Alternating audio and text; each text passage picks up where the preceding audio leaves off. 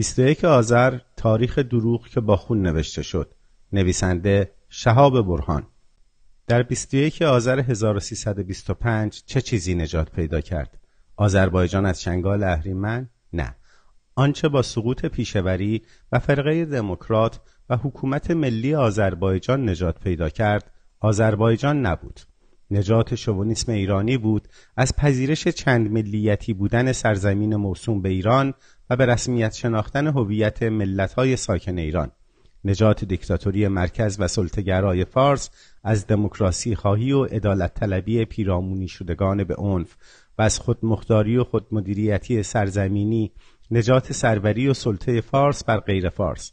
نجات مرکز از کابوس بیداری و حق طلبی پیرامونی شدگان. از سال 1325 تا انقلاب 1357 حکومت شاه هر سال 21 آذر را با عنوان روز نجات آذربایجان جشن می گرفت. ادعای نجات آذربایجان مبتنی بر سه دروغ بزرگ بود. یکی اینکه شوروی آذربایجان جنوبی را از ایران جدا می کرد دومی که فرقه دموکرات آذربایجان و رهبرش پیشوری قصد استقلال آذربایجان از ایران را داشتند و سوم که جشن به مناسبت آن برگزار می‌شد این دروغ که گویا ارتش شاهنشاهی آذربایجان را از چنگ ارتش سرخ شوروی بیرون کشیده و به آغوش میهن برگردانده است. این سه دروغ شاخدار حکایتی است که من از کودکی شنیدم و متاسفانه هنوز هم بسیار و یا بسیارانی به آن باور دارند و خیلی ها هم نمی‌دانند چه بر سر آذربایجان آوردند. پیروزی متفقین بر نیروهای محور و پایان جنگ دوم جهانی آغاز بلافاصله جنگ سرد امپریالیست های غرب علیه شوروی و همزمان چانزنی ها و توافقات سهجانبه انگلستان، آمریکا و شوروی در کنفرانس های یالتا و پوتسدام سر تقسیم غنایم و تثبیت جغرافیای تحت سلطه و نفوذ هر یک از فاتحان بود. شاه که آن همه علیه وابستگی حزب توده و فرقه دموکرات به شوروی جنجال می‌کرد پدرش و خودش با کودتای امپریالیستی بر این سرزمین تحمیل شده بودند و با اراده آنها هم از سلطنت خلع شدند. از همان پایان جنگ دوم و پس از خروج ارتش انگلستان از ایران آمریکا و انگلستان ایران را به لحاظ سیاسی در زیر نفوذ خود نگه داشته و سلطه خود را بر همه ارکان و حکومتی استوار و در واقع یک حاکمیت در سایه در ایران ایجاد کردند که شاه و دولتهای او در نقش مباشرین آنها عمل می کردند. از آن پس تا انقلاب 57 تقریبا هیچ تصمیم مهم استراتژیک داخلی و بین المللی بدون کسب موافقت شاه از سفارتخانه های آنها و هیچ از و نسب و سطح بالای مسئولان و مقامات کشوری و لشکری بدون دخالت آنها و کسب موافقت از مستشاران آمریکایی و انگلیسی صورت نمی گرفت. به این ترتیب آمریکا و انگلستان از طریق حکومت سایه و مستشاری نظامی در ایران عملا به همسایگی سیاسی نظامی جاسوسی شوروی درآمدند و این طبعا چیزی نبود که شوروی نسبت به آن بی‌اعتنا بماند. پس بران شد تا نوار حائلی در مرزهای جنوبی خود در ایران ایجاد کند از این رو حمایت از جنبش های ملت های ناراضی و سرکوب شده و محروم شمال ایران و در درجه اول آذربایجانی ها را در پیش گرفت. در رابطه با دروغ اول لازم به ذکر است که برخلاف نقشه شوروی برای شرق اروپا الحاق مناطقی از ایران به خاک شوروی در دستور کار نبود چرا که اولا در این صورت غربی ها کاسکوزه توافقات پوتسدام به ویژه یالتا را به هم میریختند و این به کلی مقایر با مصالح شوروی بود و ثانیا از آن گذشته شوروی در شرایط آن روز نه به خاک بلکه به جای پایی سیاسی در ایران نیاز داشت. تنها حمایت از مناطق خود مختار و طرفدار شوروی در چارچوب ایران می توانست هدف استالین برای ایجاد حائلی مرزی و نیز جای پا و منطقه نفوذ در ایران را تأمین کند. ملحق شدن فرضی آذربایجان جنوبی به جمهوری آذربایجان شوروی نمی توانست چنین نیازی را برآورد. این نکته در فهم دروغ بودن قصد شوروی برای الحاق آذربایجان جنوبی به شوروی حائز اهمیت مرکزی است. جنبش های آذربایجان و کردستان هم به نوبه خود از حضور ارتش سرخ همچون فرجه و حائلی در برابر تهاجم ارتش در کمین نشسته ایران برای سازماندهی مردم و ایجاد ساختار اداری و پیاده کردن برنامه های مردمی خود استفاده می کردند. نباید فراموش کرد که در آن دوره تاریخی شوروی میهن زحمتکشان قطب و قبله آمال محرومین و سرکوب شدگان سراسر دنیا در قلب زحمتکشان و کارگران و روشنفکران و فیلسوفان و هنرمندان مترقی حتی در اروپا و آمریکا هم بود علاوه بر جاذبه دستاوردهای درخشان انقلاب اکتبر حماسه استالینگراد و پیروزی شوروی بر فاشیسم هیتلری به رهبری استالین شوروی را به نیروی رهایی بخش در چشمان زحمتکشان و مردمان مترقی تبدیل کرده بود. جنبش آزادیخواه و عدالت طلب آذربایجان نیز در چنان فضایی امید یاری از همسایه رهایی بخشش داشت.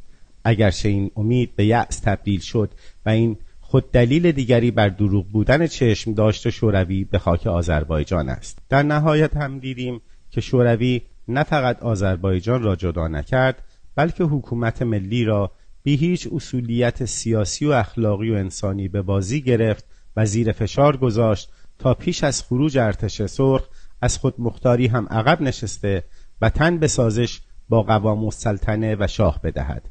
هنگامی که ارتش سرخ شمال ایران را ترک می کرد حکومت ملی و رهبران فرقه به شوروی پیام دادند. حالا که تنهایشان می‌گذارند دست کم امکانات ایستادگی در برابر یورش مرتجعین و ارتش مرکز را در اختیارشان بگذارد. ولی استالین اعتنایی به این درخواست های مرگ و زندگی نکرد. پشتشان را خالی کرد و در وضعیتی که قلع و غمع فجیع آنها با ورود ارتش ایران و یورش مرتجعین و اشایر قابل پیش بینی بود مردم آذربایجان را در زیر ساتور قصابان تهران بیدفاع گذاشت.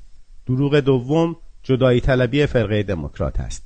طبق اسناد موجود مطالبه فرقه دموکرات آذربایجان و پیشوری سراحتا خودمختاری آذربایجان در چهارچوب تمامیت ارزی ایران بود. حتی بندهای متعدد بیانیه معروف دوازده مادهی فرقه گواهند که چنین بوده است. از جمله تحصیل به زبان ترکی تا کلاس سوم و از آن به بعد به دو زبان ترکی و فارسی. داشتن سهم نمایندگان متناسب با جمعیت آذربایجان در پارلمان تهران. درخواست اختصاص بیش از نیمی از درآمد ارسالی به مرکز به مصرف نیازمندی های خود آذربایجان. جوهر واقعیت در این پرسش و پاسخ کوتاه میان استالین و قوام بیان شده است. استالین مسئله آذربایجان از امور داخلی ایران است. در حالی که آذربایجانی ها خواهان استقلال نیستند و تنها خود مختاری می‌خواهند پس چرا ایران برای این موضوع ناراحت می شود قوام اگر با آذربایجان خود مختاری اعطا شود ولایات دیگر نیز تقاضای خود مختاری خواهند کرد. دروغ سوم دروغ بزرگتری است که گویا ارتش شاهنشاهی آذربایجان را به آغوش میهن برگردانده است. همه تاریخ های ثبت شده حاکی است که تا ارتش سرخ از شمال عقب ننشسته بود ارتش ایران جرأت ورود به مناطق تحت اشغال ارتش سرخ را نداشت و مدتهای مدید در فاصله های دور در کمین نشسته و منتظر بود. پس از خروج ارتش سرخ بود که ارتش ایران به میانو و قزوین و تبریز حمله کرد. نه شوروی وجبی از خاک آذربایجان را با خود برده بود و نه ارتش ایران هرگز به هیچ رو در روی و نبردی با ارتش و سرخ جرأت کرد و دست یازید تا فرزن خاک جدا نشده را به آغوش میهن برگرداند. ارتش ایران در خارج از آذربایجان نفس حبس کرده بود تا پس از خروج ارتش سرخ به مردم آذربایجان هجوم آورد و انتقام بگیرد. با خروج ارتش سرخ عناصر سازمان یافته به دست مالکان بزرگ تاجران عمده روحانیون مخالف تقسیم زمین و مخالف با حق رأی زنان پانیرانیست های شاه پرست و مخالفان اصلاحات و زیان دیدگان از رفرم های انقلابی دموکراتیک که از همان آوان حکومت ملی در کمین و در حال دسیس چینی و تبانی با مرتجعین تهران و کنسولگری های خارجی و سران و اشایر بودند و نیز دسته های سازمان یافتو و ازامی از سوی دولت مرکزی و فرماندهان نظامی و محافل فاشیست در تهران و همه دشمنان شوروی همراه با بسیج و استخدام اشایر مسلح مرتجع پیش از ورود ارتش ایران که از مدتها قبل آذربایجان را در انتظار خروج ارتش سرخ در محاصره گرفته بود به کشت و کشتار و قارت هولناک دست زدند و زمین را برای ورود زفرنمون ارتش شاهنشاهی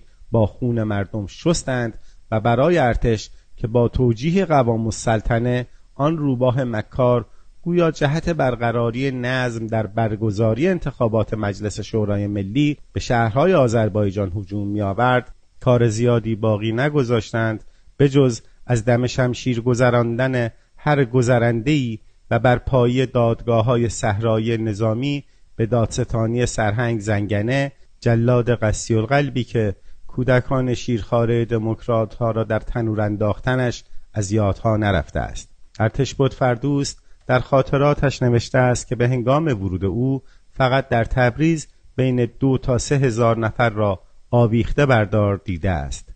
ارتش به ادامه قتل و غارت به دست اوباش سازمان یافته میدان داد و سرکوب منظم را نیز خود بر عهده گرفت و با شقاوت تمام به اجرا گذاشت.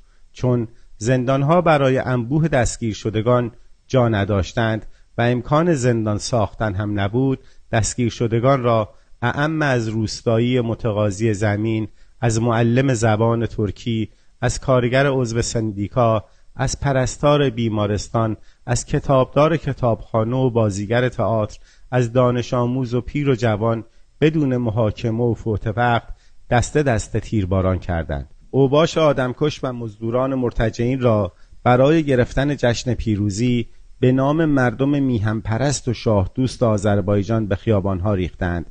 کتابهای ترکی را در میادین ریختند و مثل نازیها سوزاندند. روی خون و در برابر اجساد مردم آذربایجان رژه رفتند. اربده کشیدند و شادی کردند. عکس گرفتند و اینگونه تاریخ نوشتند.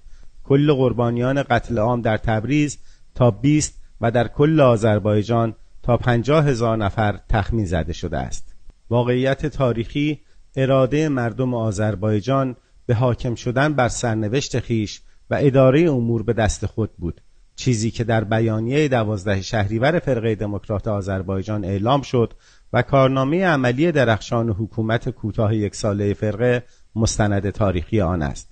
آنچه پانیرانیست های پانفارس قائلش نامیدهاند عبارت بود از احیای هویت ملی حق خودمدیریتی در سرزمین آذربایجان حق انتخاب مسئولان و مدیران ایالتی و ولایتی طبق قانون مشروطه از میان اهالی داشتن مجلس نمایندگان منتخب مردم آذربایجان حق رأی به زنان که برای نخستین بار در خاورمیانه در حکومت ملی آذربایجان عملی شد شرکت دادن زنان در های اجتماعی داشتن سهم نمایندگان متناسب با جمعیت آذربایجان در پارلمان تهران آموزش به زبان ترکی تا کلاس سوم و از آن پس به هر دو زبان ترکی و فارسی مکاتبات و مکالمات در ادارات و مدارس و دادگاه های آذربایجان به زبان قابل فهم و تکلم برای مردم یعنی ترکی انتشار روزنامه ها و مطبوعات و کتاب ها و برنامه های رادیویی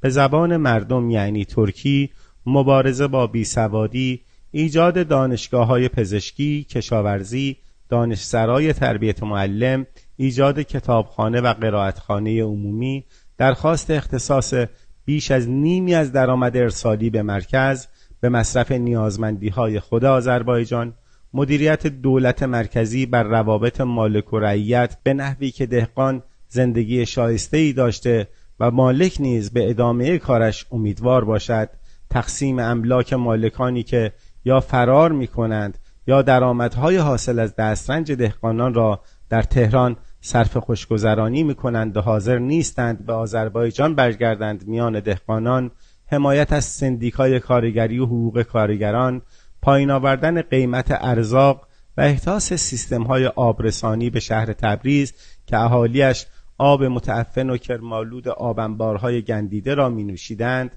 احتاس بیمارستان و اقدامات در راستای بهبود وضعیت بهداشتی و سلامتی مردم احداث جاده ها و خیابان های جدید آغاز اسفالت کردن خیابان ها تأسیس رادیو تبریز افتتاح نخستین سالن تئاتر ایجاد موضوع و باغ و فضای سبز در شهر تبریز.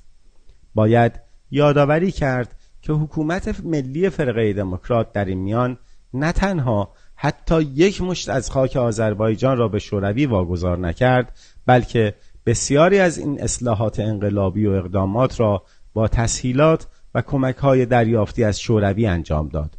چون حکومت مرکزی شاهنشاه هرگز حاضر به اجرای چنین برنامه هایی در آذربایجان نشده بود.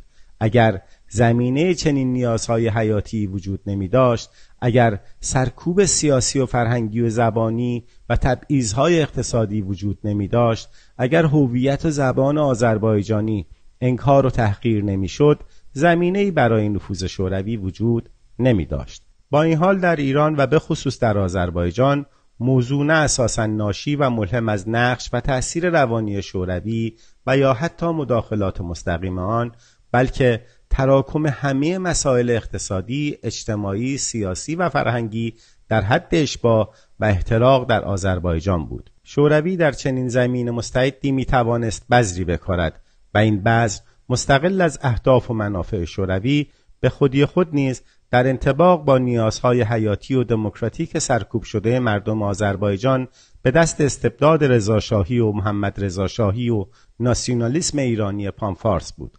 آذربایجانی تحت رژیم پانیرانیست مبتنی بر پانفارسیسم در سرزمین آب و اجدادی خود غریبه بود و هنوز هم هست.